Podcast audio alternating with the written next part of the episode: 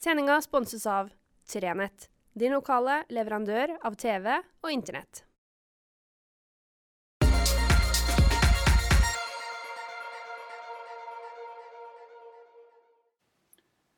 Riktig god fredag. Jeg satt og hørte på eh, NRK og Nitimen i morges. og Der eh, fortalte programlederne oss at det har gått 50 dager siden de mest omfattende restriksjonene i Norge etter krigen er blitt innført. 50 dager, det er lenge. Jeg, jeg hørte og leste Bent Høie sitt, sitt innlegg, sine, sine, ord omkring det her med ungdom som ikke forholder seg til neste sommer. Jeg har ikke noe problem med å, å, forholde meg til det, til tross for at begynner, det begynner å gå ganske mange år siden jeg var kalv, for å bruke et slitt begrep. Men, men jeg skjønner godt hva det er. For jeg, jeg, husker at da jeg var ung, ordentlig ung, da var det å liksom tenke på hva man skulle gjøre neste sommer, fullstendig irrelevant. Jeg hadde problemer nok med å forholde meg til hva jeg skulle gjøre denne sommeren. Og så skulle man liksom finne ut hva skal du gjøre neste sommer. Jeg syns det var uhyre vanskelig den gangen å bli spurt om hva du skal gjøre når du blir stor. Jeg hadde en ganske stor drøm om det, og faktisk kom jeg i mål. Men det er en helt annen sak. Eh, det her med å, å ha levd i en sånn her situasjon i 50 dager, det er spinnvilt. Vi har vært uten kor og musikk og kultur og fotball og ja, venner og sammenkomster, fester, bryllup, begravelser, barndåper. Noen har kunnet gått, de aller nærmeste, men ellers så har vi måttet vært fra en annen. I går hadde vi den aller første korøvinga i Skjervekoret på 50 dager det var veldig spesielt. For vi måtte stykke det opp. Skjervekoret som jeg synger, det er mer enn 30 stykker, så kan ikke alle være samla på én plass. Det er også et problem å finne en plass som tar unna 30 stykker på Skjervøy, bortsett fra idrettshallen, og det er et litt uhøvelig sted å øve. Eh, det gjorde at for å få øvd opp mot 17. mai, for vi skal gjøre et opptak til 17. mai så folk kan få høre på, kommer tilbake til det. Men for å få gjort det, så måtte vi altså samles i gruppe. Sopranene først, inn i Kulturhuset, sitte spredt bli dirigert. Noen var til stede på, på digitale løsninger. Uh, ut bak døra, desinfisere hele lokalet omtrent, og så inn med neste gruppe. Gjøre samme prosedyren. Og mens de går ut på den ene sida, så går vi inn på den andre sida. Det var kjempespesielt, altså. Og vi er ikke så forferdelig mange manner i Skjervekoret. For så vidt bruke anledninga til å spørre om det er noen manner som har lyst til å være med i Skjervekoret, men den, det blir jo en annen skål. Men, men altså, vi var fire stykker. Vi kunne for så vidt nesten ha øvd i en litt stor minibuss. men, men, det er helt spesielt. Og så satt vi der og sang på våre stemmer. Så er liksom spørsmålet hvordan blir det her, og hvordan skal vi få til å gjøre det her sammen. Det blir spennende. Og det blir også spennende å se hvordan det blir nå som samfunnet sakte, men sikkert slipper opp på det her. For det ser jo ut som at det skal gå mot bedre tider. Det er også sånn at uh, nå er det heller ikke i Nord-Norge, og det her er litt sånn fælt å si, men det er ikke så farlig å få litt mer smitte inn. For helt oppriktig, hvis vi hadde fått smitte til Nord-Norge for en måneds tid siden, så hadde det vært uhyre vanskelig for helsevesenet vårt. Ett er å ta vare på dem lokalt, men å få dem fra A til B er jo nesten håpløst.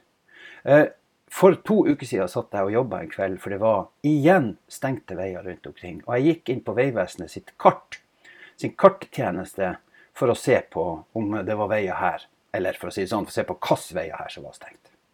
Og vet dere, Det så ut som om det var sølt ketsjup, jeg skal bruke det ordet, på hele kartet. Oppover fra ifra Senja og hele veien opp til langt ut på Øst-Finnmarka var det rødt overalt. Det har ikke vært mulig å kjøre folk noen plass. Nå slipper man litt mer opp. Været er jo glimrende bra, og det ser mye bedre ut. Og det er muligheter for å kunne bistå i en annen grad enn tidligere. Det er altså lettere å være til stede for mennesker som nå får smitte, enn hva vi kunne ha risikert. Eh, så man slipper altså litt opp. og Skolene har begynt å komme på plass, barnehagene har begynt å komme på plass. Og forhåpentligvis så vil også næringslivet oppleve bedre tider og bedre dager. De har vært igjennom en forferdelig situasjon. Fikk akkurat tallene fra hotellbransjen. Det har vært det er dramatisk. Vi ser på flybransjen, det er dramatisk. Og vi trenger ikke å gå lenger enn ut gjennom døra og ned i verre her på Skjervøy, så vet vi at butikkeierne er livende redde. Aina var på tur å gi seg. har heldigvis bitt tennene sammen. og Vi håper at hun og vi håper at alle de andre rundt omkring i Nord-Troms kommer igjennom. Vi så at Go to Grill har åpna, og vi ser at det kommer i gang. Og det er superviktig. Og da er det viktig at vi som bor i regionen, ikke glemmer de vakre, fine dugnadsordene som vi kom med for noen uker siden, der vi sa at nå må vi handle lokalt. Det er, det er kjempeviktig å handle lokalt nå òg. Det er minst like viktig, kanskje enda viktigere nå i tida framover, for å sørge for at i hvert fall det lille som finnes av lokale midler, havner inn i butikkene. Og at vi ikke bruker netthandelen så mye som, som det er fristende å gjøre. I noen tilfeller så må man. Men det går an å sjekke. Kan du levere? Kan du? Og så må man se hva man kan få til. Jeg håper at vi kan komme tilbake til normalen så fort som mulig. Det må være Det, er jo drømmen for oss alle sammen, selvfølgelig. Og så må jeg jo si, da eh, Jeg klarer ikke å legge bort den andre kjepphesten min for tida, nemlig Frivilligsentralen. Jeg er nødt til å si noe om det i dag òg. Jeg registrerer, eh, litt til min overraskelse, at det er urovekkende stille fra våre folkevalgte omkring frivilligsentralene. Det er urovekkende lite trykk, i hvert fall inntil oss, fra de ulike folkevalgte og de ulike byråkratene rundt omkring i kommunene i Nord-Troms. Et, lite regnestykke viser at hvis regjeringa og staten sitt forslag går igjennom, så vil altså Lyngen kommune miste 300 000 til Frivilligsentralen. De vil sitte igjen med rundt 100 000 for å drifte Frivilligsentralen. Det betyr at de menneskene som får hjelp der, de vil ikke få det. Og så synes jeg det er rart at ikke det er flere politikere i regionen vår som kommer til oss i media, eller går ut i andre medier for den del, og sier at det her går ikke an. Det kan ikke være sånn. Jeg skrev en ganske krass leder forleden dag der jeg avslutta med at jeg har lyst til å se den politikeren som våger å stå foran neste års valg og slå seg på brystet og si at jeg var med å kutte bevilgningen til frivilligsentralene i Nord-Troms. Det tror jeg er en skrekkelig dårlig valgkampsak helt oppriktig kanskje en veldig dårlig valgkampsak. Jeg håper at uh, politikere og byråkrater nå kommer enda mer på banen og tar tak i det her inn i sine partier. Jeg registrerer at Senterpartiet har et trøkk.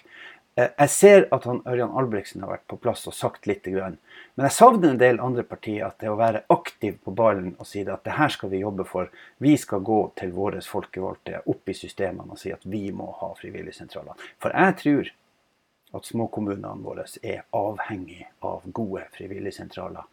Eh, vi vet at det blir stadig flere eldre. Vi vet at vi har utfordringer i forhold til psykisk helse og det å bistå andre. og Da er frivilligsentralene kjempeviktig. Så det er min bønn denne fredagen 1. mai til eh, politikere og eh, andre rundt om i Nord-Troms. Kom dere opp på, bar på barrikadene å stå opp for frivilligsentralene. Det er minst like viktig faktisk som gode veier og et godt næringsliv. For det handler om å ta vare på de menneskene som virkelig trenger oss rundt seg. Jeg håper dere får ei fantastisk helg. Alt tyder jo på det. Gårsdagen var nydelig, det ser bra ut i dag. Og her er det bare å komme seg ut. Nå kan vi jo bevege oss, vi kan dra på hytten vår igjen. I det hele tatt, kos dere riktig, riktig masse. God helg, og så høres vi igjen.